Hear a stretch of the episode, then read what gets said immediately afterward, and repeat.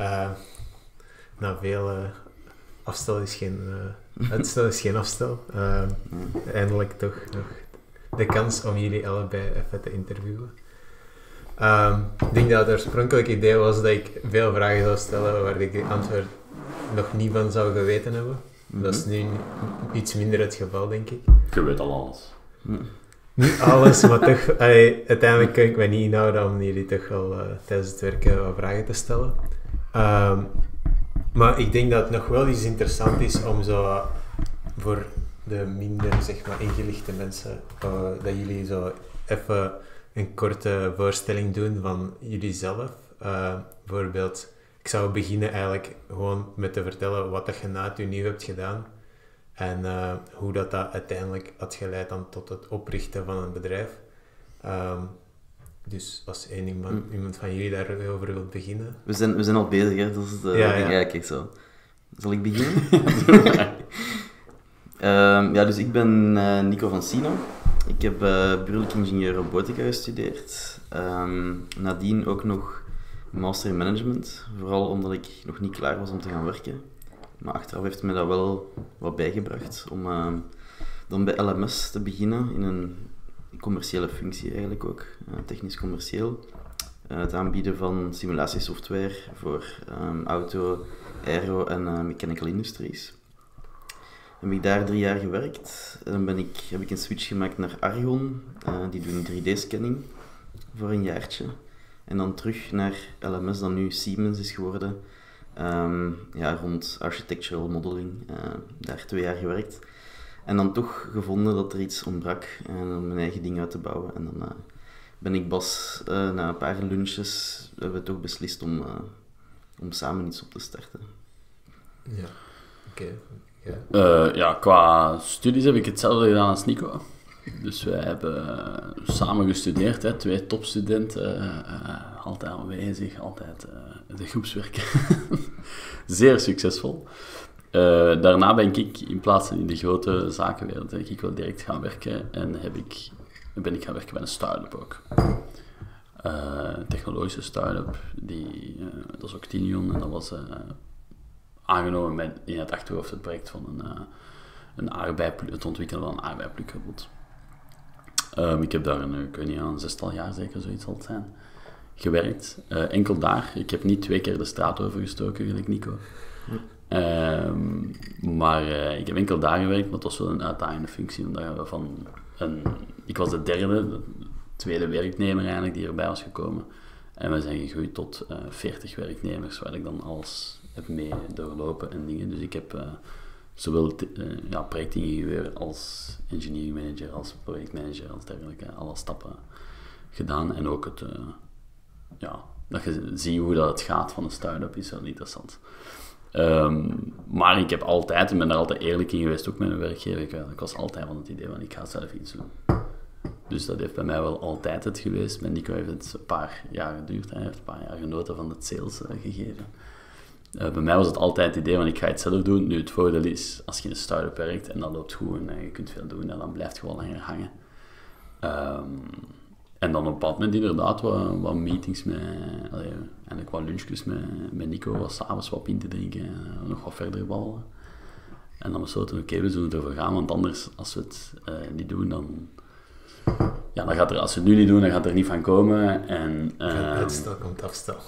Ja, en ja, nog niet alles was heel concreet, maar ik heb toch besloten om ineens all in te gaan. Ja. Um, omdat we toch niet geloven in de combinatie van de twee jobs met een bedrijf. En dat we echt willen zeggen, we willen ons ding kunnen doen.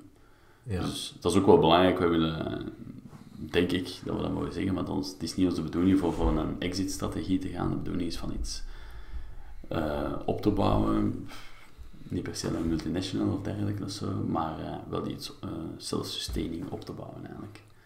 Dat we liever liefst van al binnen 20 jaar of 30 jaar kunnen zeggen oké, okay, of binnen een jaar, het bedrijf draait op zich. Ja. Uh, we kunnen um, zo verder. Ik wilde daar zelfs op verder gaan, ja, ja, van het bedrijf zelfs, maar even terugpikken op uw verhaal. Ja. Um, ik denk dat voor veel mensen, inclusief mij, dat dat soms uh, inderdaad een groot vraagteken is. Zo veel mensen dat burgerlijk studeren of overwegen, of misschien die kijken daar gewoon zo met halve interesse, half boredom naar, zo die managementjaar dat je hebt gedaan. Mhm. Ehm, als jij zo concreet zou kunnen zeggen, ehm, wat heeft dat je bijgebracht? Ehm, zou dat kunnen dat dat iets zo fin- eh, klein was dat jij misschien achteraf veel korter had kunnen leren door iets anders te doen? Of is dat echt iets essentieel dat je enkel dat jaar had kunnen leren?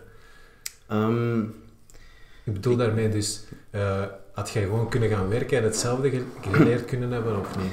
Ja, dus eh, ik denk dat er twee belangrijke punten waren. Een eerste belangrijk punt voor mij was, ik voelde mij na vijf jaar studeren, eh burgerlijk ingenieur, echt niet klaar om te beginnen werken. Ik had zoiets van, ik ben ja, ergens nog niet volwassen genoeg of, niet, of ik heb gewoon geen zin om al te beginnen werken. Mede omdat mijn, ehm, de mensen rondom mij ook eh, wat jonger waren, dus die waren ook nog aan het studeren. Dat was één reden. Eh, een andere reden was dat ik dat echt wel ook interessant vond, de economische kant van alle dingen. Dat, eh, ik speelde ook al lang met ehm, dingen opstarten. En dat ging dan eerder over uh, aanbieden aan festivals. Veel basicere eh, ideeën. ehm, en die dan te verhuren en zo verder. Dus ik, had, ik was daar wel mee bezig. En dat heeft mij geholpen door al die, al die vakken hebben zo'n ja, een focus over alle basics. eh, boekhouden, ehm, micro- macro-economie en zo verder. En dat als je dat allemaal eens hebt gedaan, dan, dan weet je dat ook. Ik zeg nu niet dat het de moeilijkste richting was die dat er was. Eh, met grote onderscheiding afgestudeerd, dus eh, Ja, ja. dat is echt wel iets. Ehm, nee, dus voor mij heeft dat wel geholpen. Dat is ook een heel open richting, dus iedereen, alle andere richtingen mogen daar ehm, ja, in verder gaan. Dus dat was eigenlijk wel een heel leuke mengeling van allemaal andere type studenten, eigenlijk geen alleen. Ja, ja. Na zes jaar burger als ik Ja. die ook bij Inderdaad. Maar ik denk, voor daarop in te pikken, ik denk ook wel dat je dat merkt. Dat Nico dat heeft gedaan. Dus ik Ja. heb al met veel... Maar zo dat boekhouden, dat kan ik me echt wel voorstellen dat dat eigenlijk echt iets kei specifiek is. Ehm, Ja. Maar dat valt... Ja, op zich, ik heb zo meer uit ervaring geleerd. denk ik dat dat ook zoiets eerder is dat je uit ervaring leert, dan zo echt uit boeken. Zo, hoe dat Maar je het mensen- financieel management of people management? Ah, Hij heeft financieel management Ja. gestudeerd eigenlijk. hè. Ja, al, al die dingen een klein Wat beetje is dat dan concreet, financieel management? Bijvoorbeeld, allee, leg dat eens uit aan Ja. de hand van een voorbeeld dat jij er onlangs hebt toegepast of zo. Maar voor boekhouden bijvoorbeeld, daar, daar pas ik heel weinig van toe. Ik weet daar gewoon enkel de, de grote dingen als zijn, van er is een balans en zo verder, en die dingen onthoud je, of, of weet je van dat, Ja. dat die dingen er moeten zijn. Ehm, er zijn vooral, ik denk dat mijn studies voor een minder deel eh, uitmaken van wat ik heb gedaan. Ik denk meer de ervaring was daarna. Eh, ik denk in onze professionele ervaring. Ik ben begonnen in een heel ehm, hoge functie, of een, een functie met veel verantwoordelijkheid, waar ik veel op mezelf moest werken, ehm, de wereld moest rondreizen en mensen overtuigen, zowel technisch als commercieel, van, van een eh, product. En daar heb ik veel meer uit geleerd. Ik kon Mhm. natuurlijk wel een beetje putten uit de studies, maar ik zou toch zeggen dat werkervaring wel voor mij het doorslaggevende... Ja, ja. Nee, oké, dat is goed. Dat is gewoon eh, interessant om te weten van iemand dat dat jaar heeft gedaan, om zo eens echt een antwoord te krijgen van oké, wat heb je daar nu aan gehad? Of, en, en eigenlijk is dat een, een antwoord dat ik volgens mij wel vaker heb gehoord, dat dat gewoon was een, een een jaar uitstellen. En op zich wel nuttig. En een Eh, groot, toen, allee, een, een helikopterview van wat, wat zijn Ja, alle economische dingen. Een inleiding tot, hè. Ja. Maar het echt leren, en het toepassen en alles, dat leert je gewoon tijdens het werk. En, Ja. en ja, dat denk ik eigenlijk ook het meeste. Toch? Ehm, nee, oké.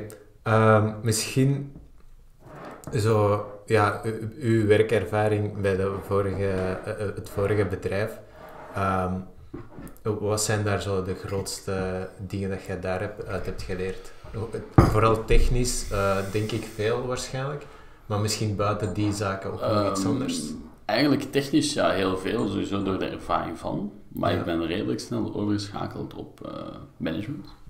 Ja, In de zin van natuurlijk altijd heel technisch betrokken blijven, maar ik was vrij direct de projectmanager van het ene project. En dan zijn er nog, eh, ik denk op een bepaald moment 18 projecten in parallel uh, projectmanager. Dus eigenlijk was ik heel veel bezig met management en ook mee met de founder was ik ook altijd mee beslissingen van het financiële en, eh, en alle, ja, alle aspecten van de start-up zijn eigenlijk mee aan toe.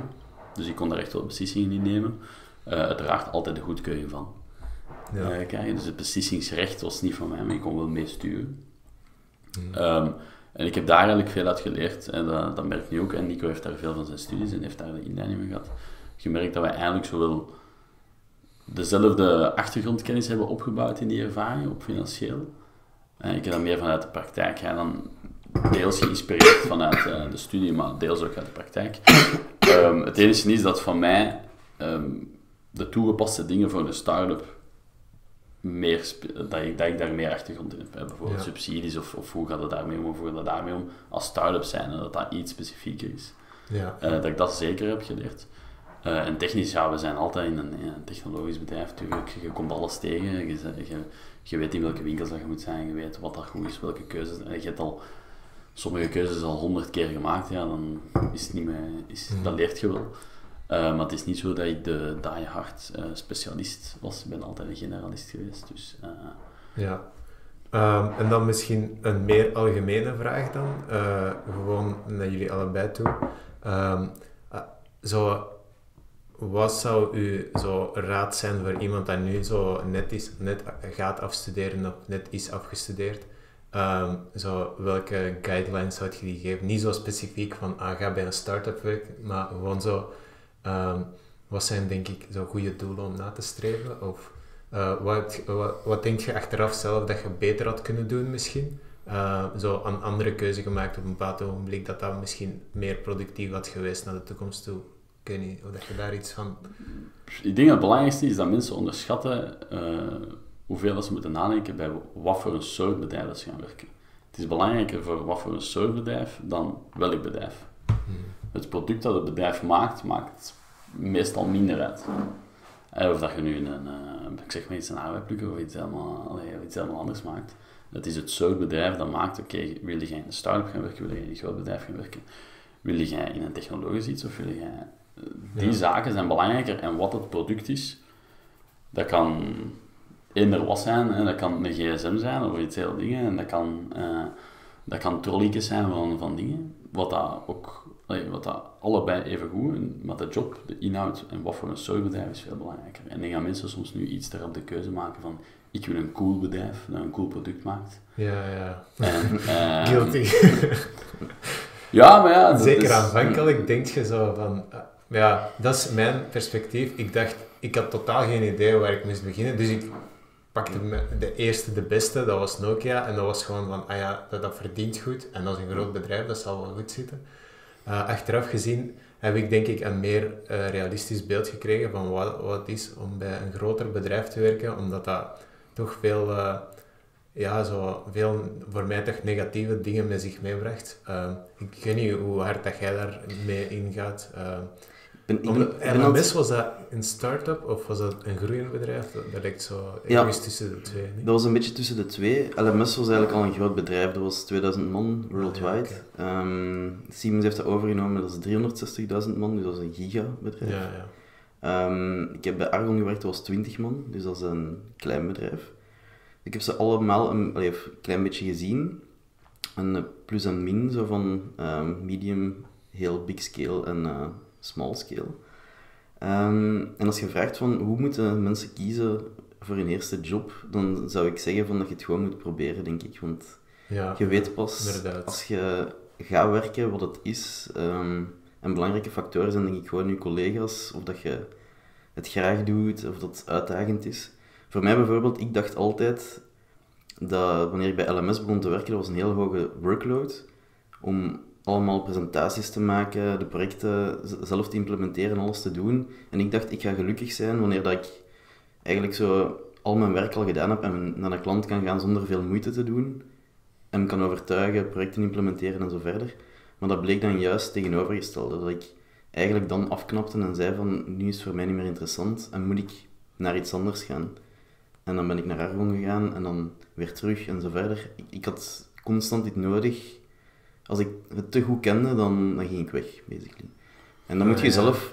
Dat het niet meer uitdagend werd. Nee, en, en, dacht van, en ik ah, dacht juist dat ik omgekeerd was, dat ik eigenlijk zo meer een, het luiere type was, die zo graag zou zitten in zijn gouden zetel. Um, en dus, als ik erop terug zou komen van waar moet je rekening mee houden, ik zou, het enige waar ik geen rekening mee zou houden, is je startcondities, je loon en zo verder. Dat is wat dat typisch iedereen doet, wat ik ook heb gedaan van, ah, daar krijg ik een auto, daar krijg ik, um, ik weet niet veel centen.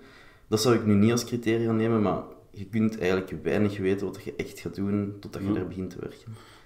Ja, en dan nog één ding, dan denk ik ook. eh, Inderdaad, niet te veel rekening houden met geld en dingen. Zeg gewoon eigenlijk blij dat je iets krijgt en voor de rest doe je ervaringen. Ehm, maar wat dat je ook zeker niet moet rekenen, ga buiten je comfortzone. Je hoeft niet als ingenieur zijn, en we zijn robotica-ingenieur, oké, we hebben nu een techn- technisch product wel, dat we bezig zijn. Eh, is ons doel van ons leven lang technisch bezig te zijn? Maar eigenlijk niet per se. Als wij nu even goed binnen een jaar trolleys willen eh, aan, op een ding, dat, dat kan ook binnen via ons. Allee, dat, Mhm. dat, dat staan we allemaal voor open. Het is alleen, ja, je rolt automatisch wel in je eigen sfeer in, dat is zo.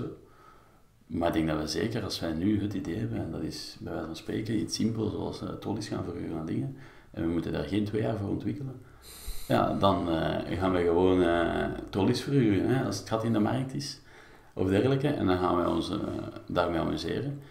En dat denk ik ook dat veel mensen hebben, ah, ik heb nu technisch gestudeerd, ik moet die technisch gaan doen. Mhm. pff, Wanneer? Ga zoals Nico, ga sales doen of ga dingen doen. Als je zegt van ik wil eens een keer iets proberen, fijn, doe dat. Het is in het moment, de jeugd. hè, Ik zeg het nu, ik heb nu zelf twee kinderen.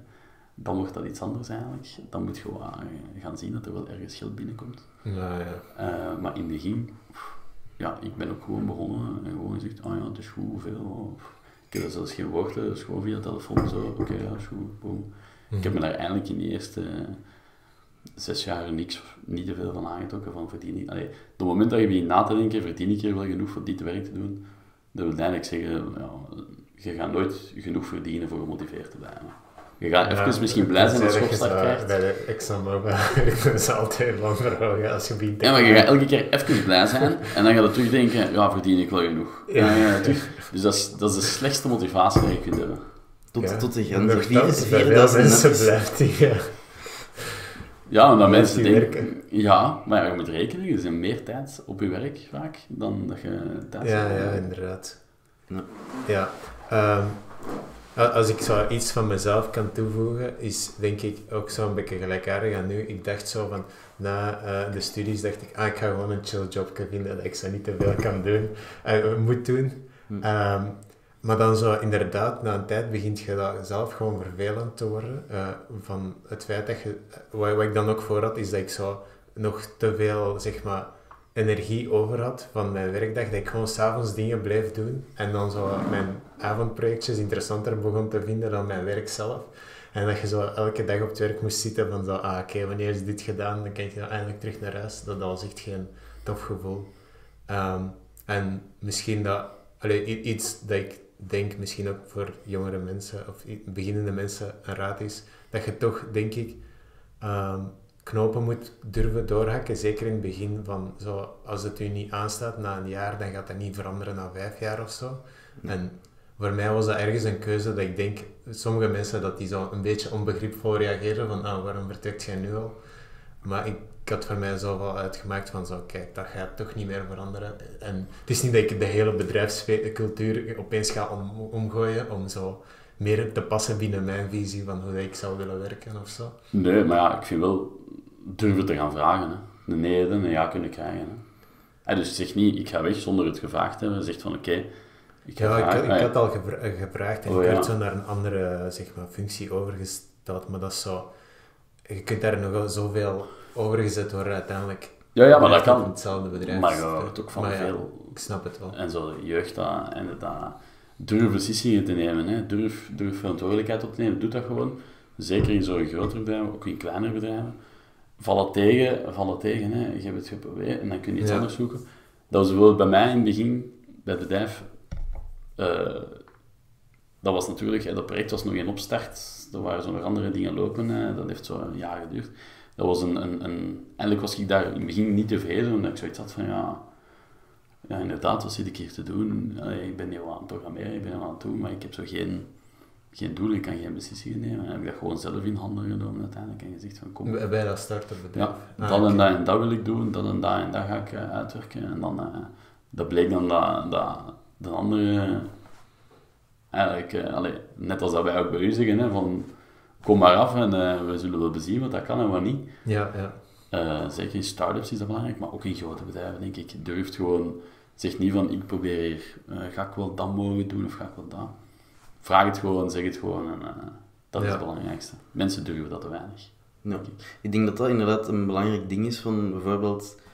Ik heb altijd heel veel fear of missing out. Dus ehm, als ik, ik, ben, ik ben altijd heel gelukkig. Ik ben bij LMS Siemens geweest bijvoorbeeld. Ik, wat mijn manager zei, ook, wat is belangrijk in je job, is dat je in de morgen gewoon met, je, ehm, met een smile in je auto stapt of op je fiets stapt. eh, dat je kunt gaan Ja. werken. Elke ochtend. Ja, niet el- elke ochtend is misschien Het mag veel, maar... gieten, het mag... Het, je moet Maar lachen. ja, het, het, moet, het moet wel zo zijn. En dat was Daar ook heb je pilletjes voor. ja. Maar dat was eigenlijk wel zo. Ik, allee, ik was heel content daar en toen heb ik gezegd van ik wil in een kleiner bedrijf werken om te zien wat dat was. En de voordelen Ja. zijn dan een gigantisch jong publiek. Ik was daar quasi de oudste. Mhm. Eh, wat dat heel interessant was om met die mensen ja, gewoon om te gaan. Een heel jong team, heel dynamisch en zo verder. Maar de werkinhoud was dan na een tijd echt ondermaats, waardoor ik echt wel ongelukkig was in die... Ho- Alhoewel dat alle, alle andere factoren goed zaten, was gewoon de content van dat je niet meer met ja, middelmanagement en high management kunt discussiëren of, of niet meer concepten op, op een hoog niveau uitleggen en zo, was dat voor mij echt zoiets van ja, ik, ik ben niet gemaakt om zo één taakje te doen en, en dat Mhm. blijven te doen. Dan was ik echt ongelukkig en dan heb ik inderdaad gevraagd van ik wil business development doen van die nieuwe oplossing en ja, geef mij gewoon, ik ga u evenveel omzet genereren als ik dat, dat doe.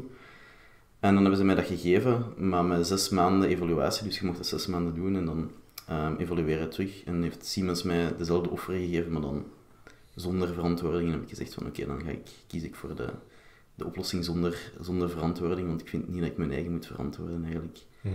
om de juiste richting te kiezen. Dus, eh, denk, en, dat is nog wel een groot verschil dat je daar aanhaalt bij een klein en groot bedrijf. Een klein bedrijf dat kan ja, van de ene kant naar de andere kant gaan. Hè. En dat is, dat is wel iets waar je mee moet om kunnen.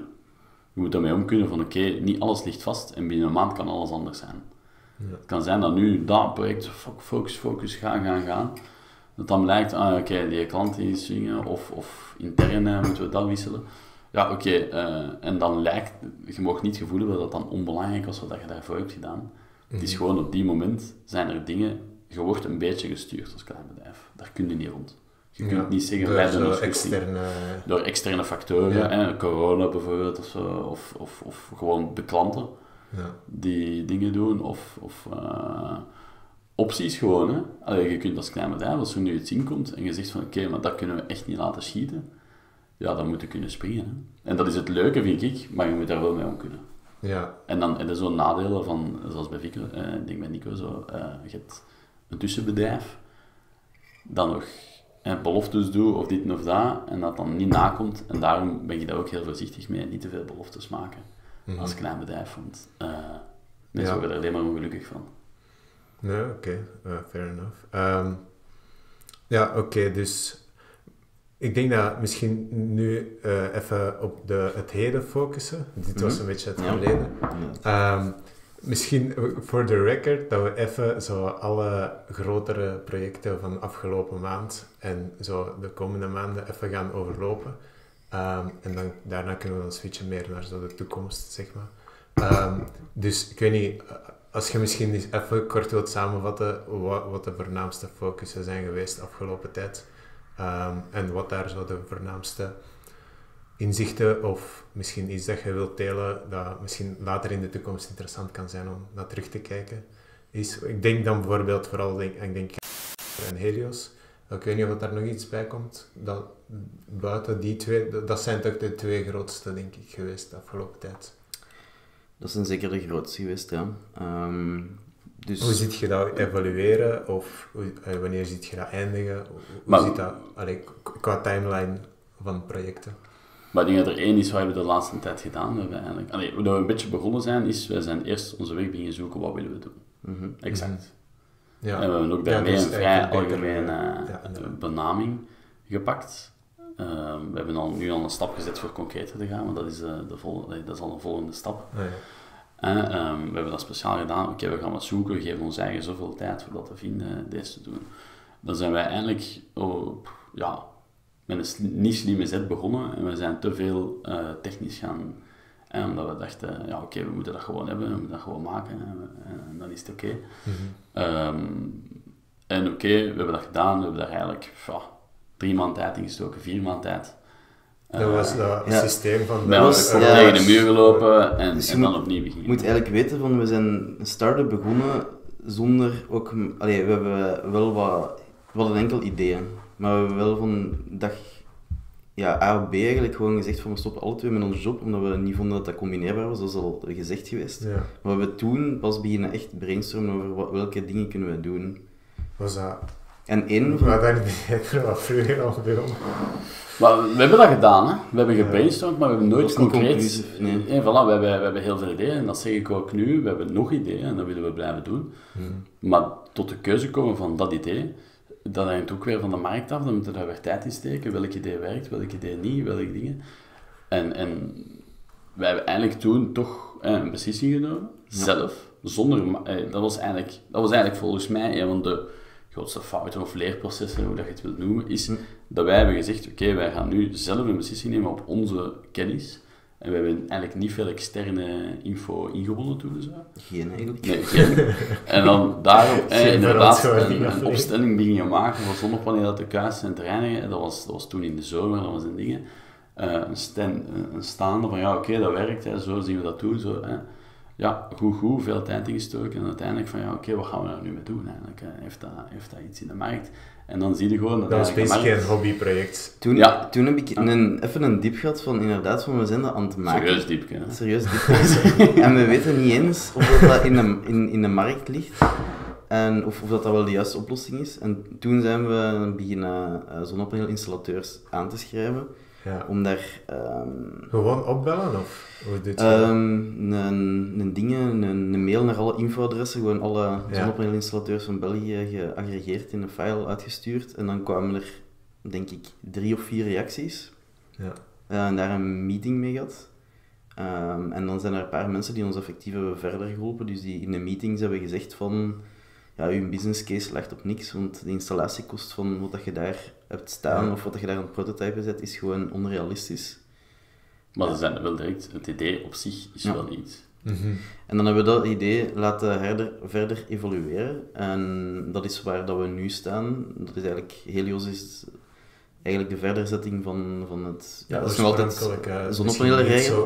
Eigenlijk een beetje getuned, maar dan Ja. naar de markt, zeg maar. Ja. Ja, maar technologisch gezien wel iets helemaal anders. En, Ja, ja. en marktgewijs ook. Maar zo De- praktisch is het nog altijd hetzelfde, het cleanen van zonnepanelen. Het cleanen en eventueel eh, whatever, behandelen van zonnepanelen Ja. of dingen in, op hoogte eigenlijk, Mhm. nog algemeen. Maar de, ehm, ja, de, het is as a service bijvoorbeeld. Dat is een belangrijk concept. Hm. Het deelbaar maken van. En wij zijn ook, sowieso is een van onze doelen van je wilt het groene dingen en zo. Ja, ja. in dat deelbare Mhm. eh, concept. En ik denk dat dat iets is dat we merkten dan ook via distributeurs, dat de markt dat ook echt, wauw. Eh, eh, Maar dat, dat, dat ga ik zo misschien even zeggen. Dus wat dat ik nog wel interessant vind, is dat jullie dat eigenlijk een beetje combineren met consultancy-werk. Of hoe Wij zeggen niet graag consultancy. Noemt Nee, dat? Wij- juist niet. Development. juist geen. Wij noemen het ehm, ja, Projecten. projecten. Waarom? Ehm, omdat wij in elk project dat we doen, mikken wij niet op een one-off. Dus een one-off wil zeggen, we doen dat project, we geven dat door en het is gedaan. Mhm. En de een typisch engineeringbureau consultancy zegt van oké, wij Dus zullen dat eh, eh, tekenen. eh, dat is ook bij geval, want daar heb ik het gevoel dat dat nog wel lang kan duren eer dat dat helemaal... De, de- Eh, daar zit nog veel evolutie Misschien mogelijk. even, Ja. ik denk Moeten- niet dat we moeten- detail Ik gaan. denk, ik denk dat we Nee, dan, ja, ik denk dat we daar moeten heel op de dat- vlakte blijven. ja, wij mogen dus- eigenlijk niet, omdat... daar Nee, nee, nee, eh, We kunnen zeggen, een groot project in de recyclage bijvoorbeeld. Ja, dus we hebben, we hebben inderdaad projecten lopen. Maar dus eigenlijk bij alle projecten dat we Ik doen... zal het eruit piepen. Ja, je gaat wel wel moeten knippen.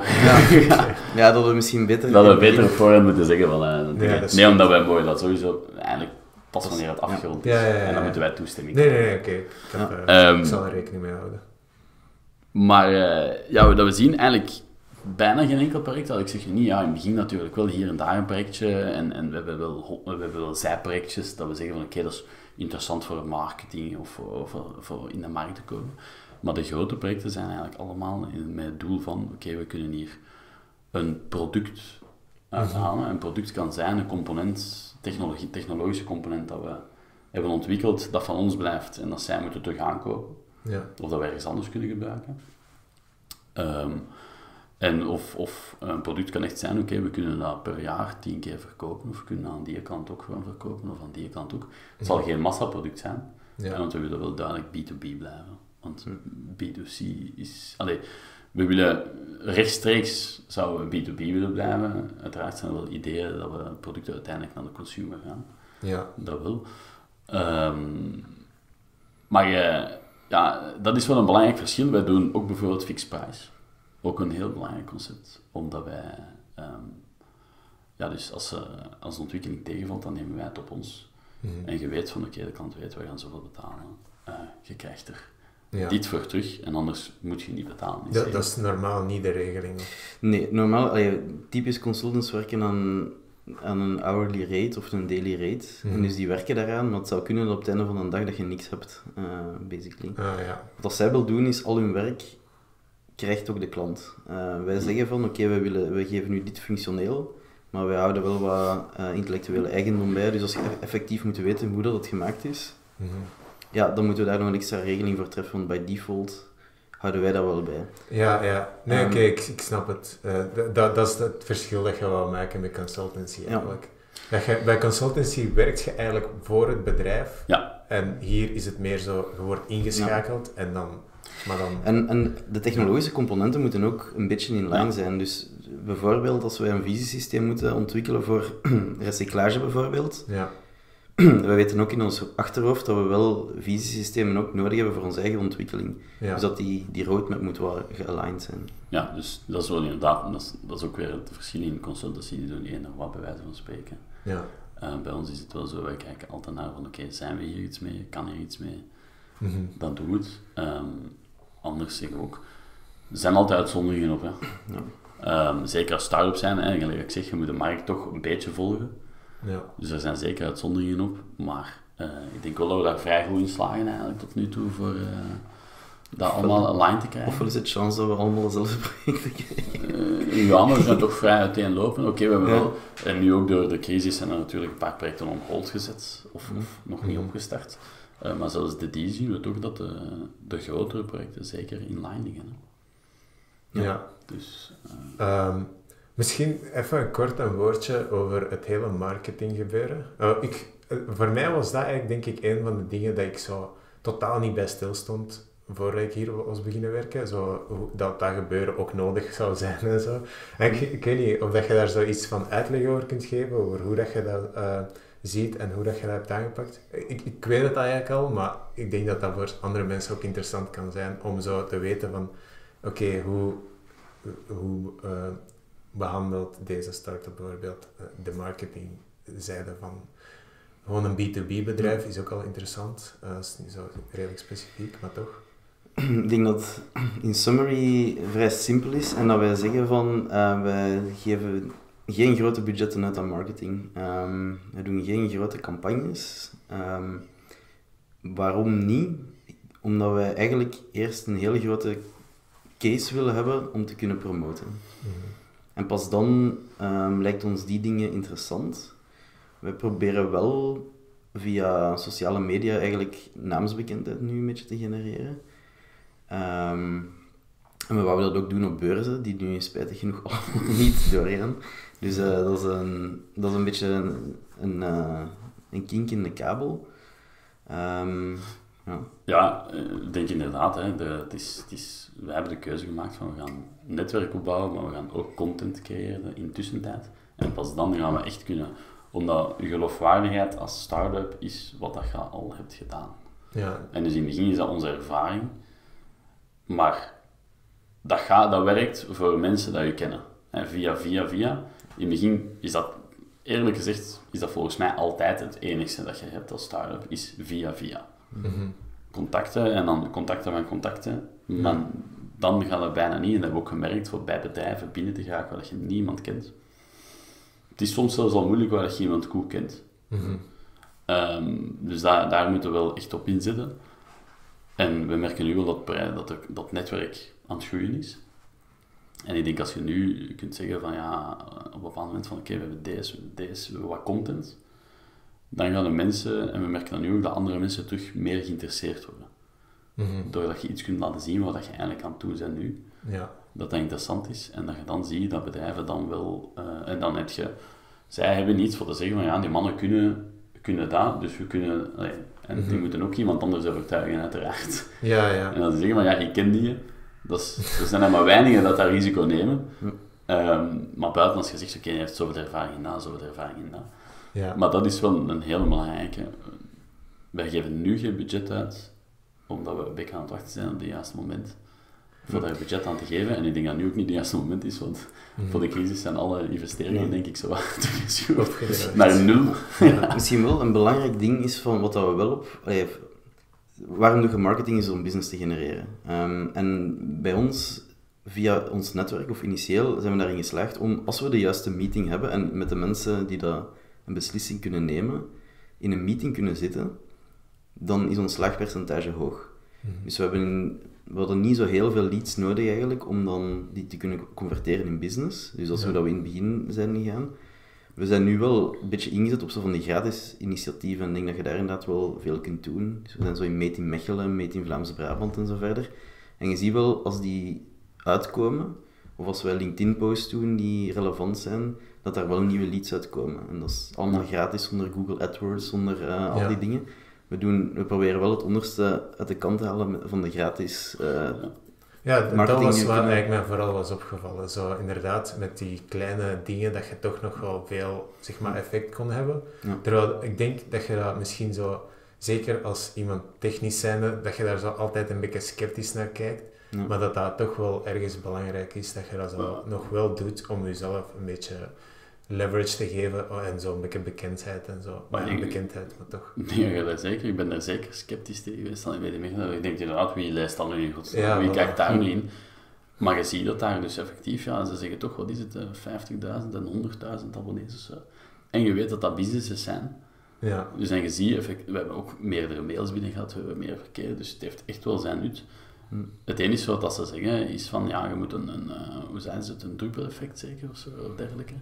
En je moet Hm. zien eh, dat je, je moet drie, vier keer dat doen Hm. en pas dan krijg je echt het effect. ja, Dus die, maar je moet daar ook weer, daar moeten weer de juiste personen te pakken krijgen.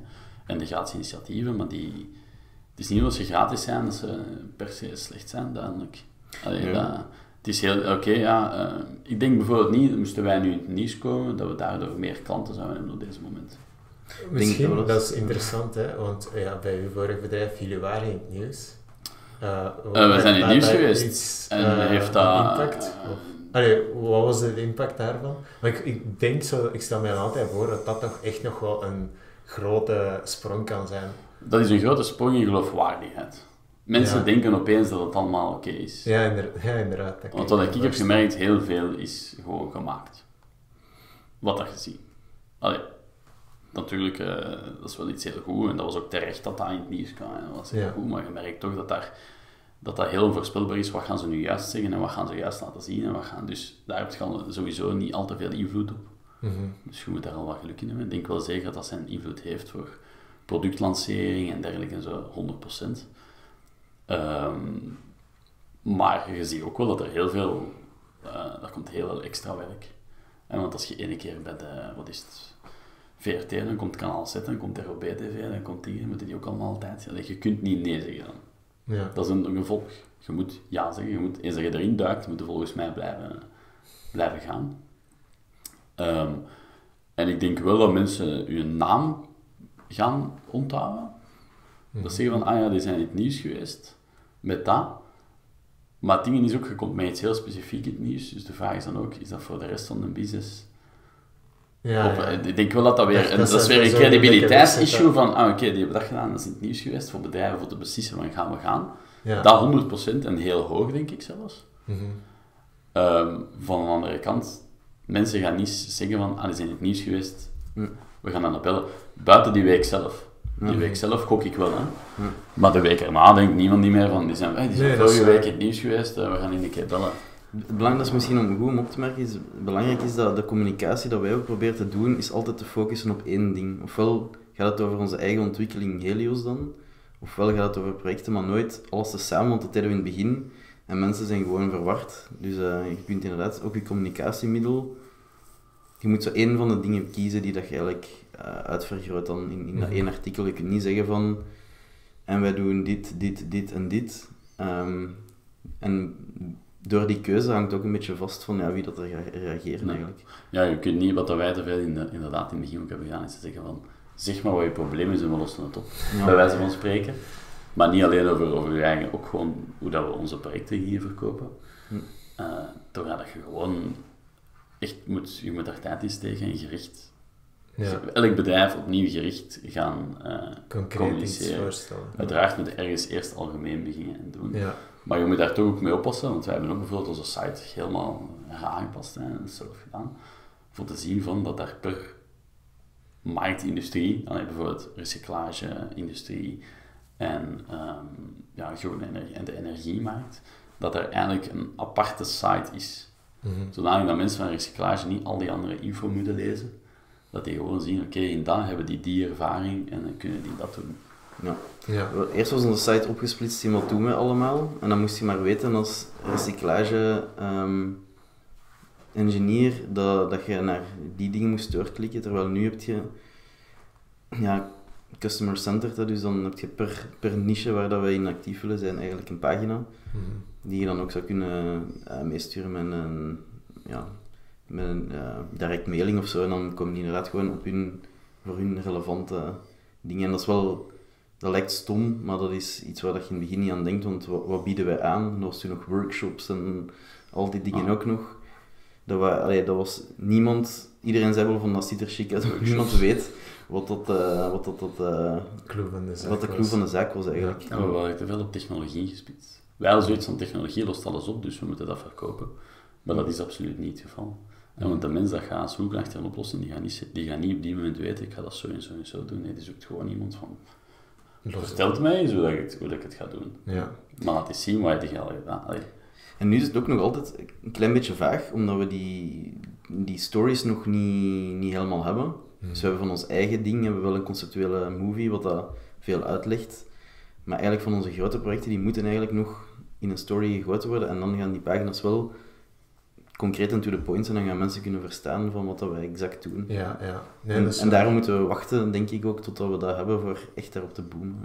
Maar het is misschien wel een belangrijk, ook puur marketingwijs, is het wel denk ik belangrijk dat je site er professioneel uitziet. Mhm. Ik vind dat zelf en ik hoor dat ook van anderen. Los van een inhoud moet het er professioneel uitzien. Ja. Omdat als iemand aan de site... allee, dat is gewoon de wereld van vandaag. Als je een bedrijf opstart en je gaat er zijn en je kunt niet zeggen van hier gaan we naar de site zien. Ook al staat er niet gewoon in wat, mensen kijken gewoon eens visueel van ziet dat er hier deftig uit, ziet dat er hier... Eh, het gaat over perceptie. Ja, Ook dat weer is geloofwaardigheid. En dan merk je toch heel erg dat dat eigenlijk de reacties waren helemaal in het begin altijd al van maar het ziet er wel professioneel uit. Oké, drie vierde wist niet wat dat er gezegd werd. Of verstond het niet, of dacht van ja, wat, wat doen we nu dat juist? is goed, hè. Je moet die gewoon ze zeggen met Ja, technobabel. het ziet er wel professioneel uit. Het ziet er een goede site uit. Mhm. Dus dat wel. En, en, en dan, eh, maar je moet ervan uitgaan, mensen, eh, zelfs mensen dat gewicht zoeken, die lezen geen tekst. hè. Ja. Die kijken naar de foto's. En dan zeggen die van oké, ja. Dus. Ja, oké. Ehm, dan even switchen naar het meer grote globale picture van eh Arts Robotics binnen tien jaar. Ehm, ik weet niet of dat je daar concrete ideeën over hebt. Ik, ik denk... ehm, Ja, ik denk dat, ik al weet ongeveer waar, waar jullie eh, mind... Maar als je dat even wilt expanden voor, voor de record, dan... dat wij in onze zetel liggen en Ja, we hebben niks meer moeten doen inderdaad. Nee, eigenlijk niet. Eigenlijk niet. Dat willen we Ik dacht dat je niet. niet ja. Ehm, ja, maar oké, zeg maar. Hè. Ehm, Dus, ja. Gelijk ik al heb gezegd, Ik heb die uitleg eigenlijk al Ons- gehoord, maar ik ons- zal ons- doen alsof... ja, ons oogpunt, allee, ons mikpunt is geen eh, groot bedrijf. We Ja. hebben dat sowieso, en we hebben eigenlijk een beetje een dubbelpunt. We zijn nu Art Robotics. We hebben dat daarin groeien. En we, zijn, we hebben eh, u aangenomen, we zijn ook bezig met aanwervingen. Dat, dat is iets. En uit Art Robotics zouden wij graag producten laten voortvloeien. Die dat eigenlijk op zichzelf staand kunnen zijn. Als ze groot genoeg zijn of niet. Maar zodanig dat we bij Arthropotics altijd een, een familiale sfeer kunnen behouden, altijd relatief klein. En we denken, allee, we, hebben daar echt een, een bepaalde max op. We moeten daar niet... ehm, je wilt er uiteindelijk naar groeien tot als het zelf sustaining is. Mhm. Tot als we zeggen van oké, iedereen is expendable, iedereen is misbaar, iedereen is dingen. Dus eh, dat, dat is eigenlijk een ecosysteem dat, dat dan blijft draaien. Zodanig dat in het ideale wereld, in mijn ideale wereld, je mocht het direct zeggen, dat eigenlijk Arthrobotics een soort van, toch een soort van speeltuin blijft. Van oké, we hebben nog eens een nieuw idee, we hebben die nieuw idee, laat ons daar en daar en daar eens uitproberen. Proberen eh, het geheel van eigenlijk opnieuw een start-up op Ja. te doen binnen een bedrijf dan wel. En dat je zegt van oké, op het moment dat het slaagt, geven we het eigenlijk door. Zetten we de juiste mensen op, kunnen er nog dezelfde mensen zijn. Hè? Maar zeggen van oké, vanaf nu is het meer een, een product. Een merknaam erop. Of dat is het ideale, het ideale ding. hè. Dus net zoals bij onze, onze reinigingsdienst, hè, dat we daar bijvoorbeeld in, hè, en dat we ideaal gezien binnen twee jaar zeggen wij, ja, Arthropotics is met iets helemaal anders bezig. Mhm. En Helios zijn, ja oké, dat is Helios by Arthropotics of whatever of zo, staat ergens op. Of ergens is die linker wel. Maar Helios op zich is dan puur dat. Ja.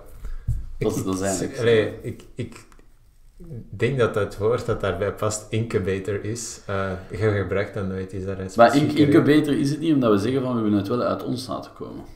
Dus incubator ja. is voor ons, is voor, is voor mij iets van, jij mag als start-up in ons gebouw komen en onze diensten gebruiken. Ja. En hoe meer wij zeggen van oké, eh, wij hebben zelf nog zoveel ideeën. Mhm. Mensen met ideeën, jij hebt ook nog ideeën. Ja. Wij willen die graag betrekken, maar we willen dat wel vanuit Arthropotics. Iedereen is gezien en in een incubator is niemand geïnteresseerd van hoe goed het die incubator is. Nou, dan Ja. denkt je van ja, ik ben hier gewoon om te betalen, want je betaalt niet, hè? In een incubator. Bij ons betaal niet, je wordt eigenlijk, je bent een werknemer en je trekt mee aan de kar en je zegt Ja. van we gaan Arthropotics. Ja, ik, ik, denk qua, qua dingen is wat dat we nu, of wat dat we nu voorop stellen als zijnde wat we graag zouden willen doen, is op heel hoog niveau conceptueel denken en, en dingen uitvoeren. En dat moet niet in detail micromanagen, basically. Mhm. Maar dat zou wel eens kunnen veranderen, denk ik, in de toekomst. Dat we toch zeggen van, ik heb affiniteit met een van die subpoten, zoals bijvoorbeeld Helios. En ik wil eigenlijk dat helemaal eh, gaan doen en dat eh, van kop tot teen managen. Dus ik, ik, ben er nog niet 100%... Ik denk dat on- ons eh, plan nu drie jaar reikt of zo. Ja. Max. En ik denk dat, ehm, dat we dan inderdaad gaan zien wat we interessant vinden. Want ik ben al inderdaad zoveel geswitcht van, van interessesfeer dat ik... eh, Maar dat kan inderdaad zijn, hè? dat je zegt van ja, maar kijk, ik wil eigenlijk echt puur met dat bezig zijn.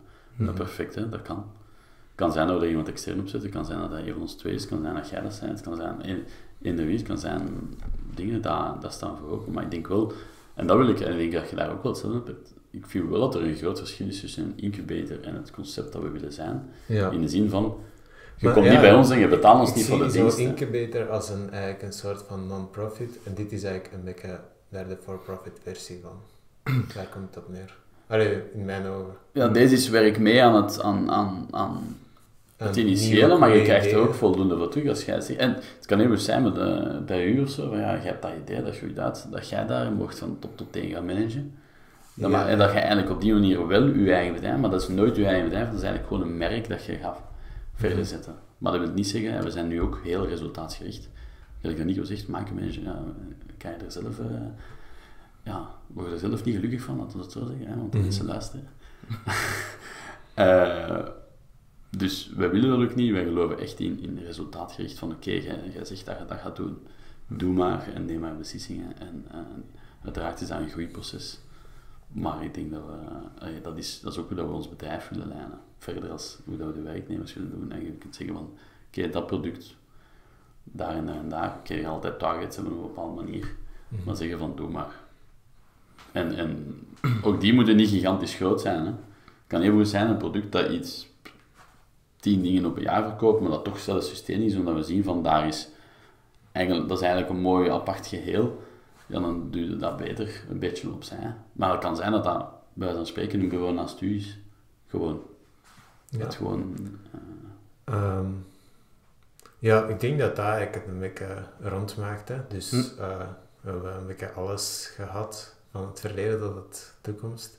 Ja. Ehm, ja, we zullen dat misschien nog eens om de paar maanden misschien eh, opnieuw doen. Ja. Ehm, ik denk dat het idee misschien ook was eh, van de tweede werknemer dan ook te interviewen, zeg maar, nadat het hele sollicitatieproces was verlopen. Mhm. En zo eigenlijk een soort van tracking te hebben uh, doorheen de tijd, als dat dan verder groeit. Van... Wie weet wat zeggen we binnen twee maanden.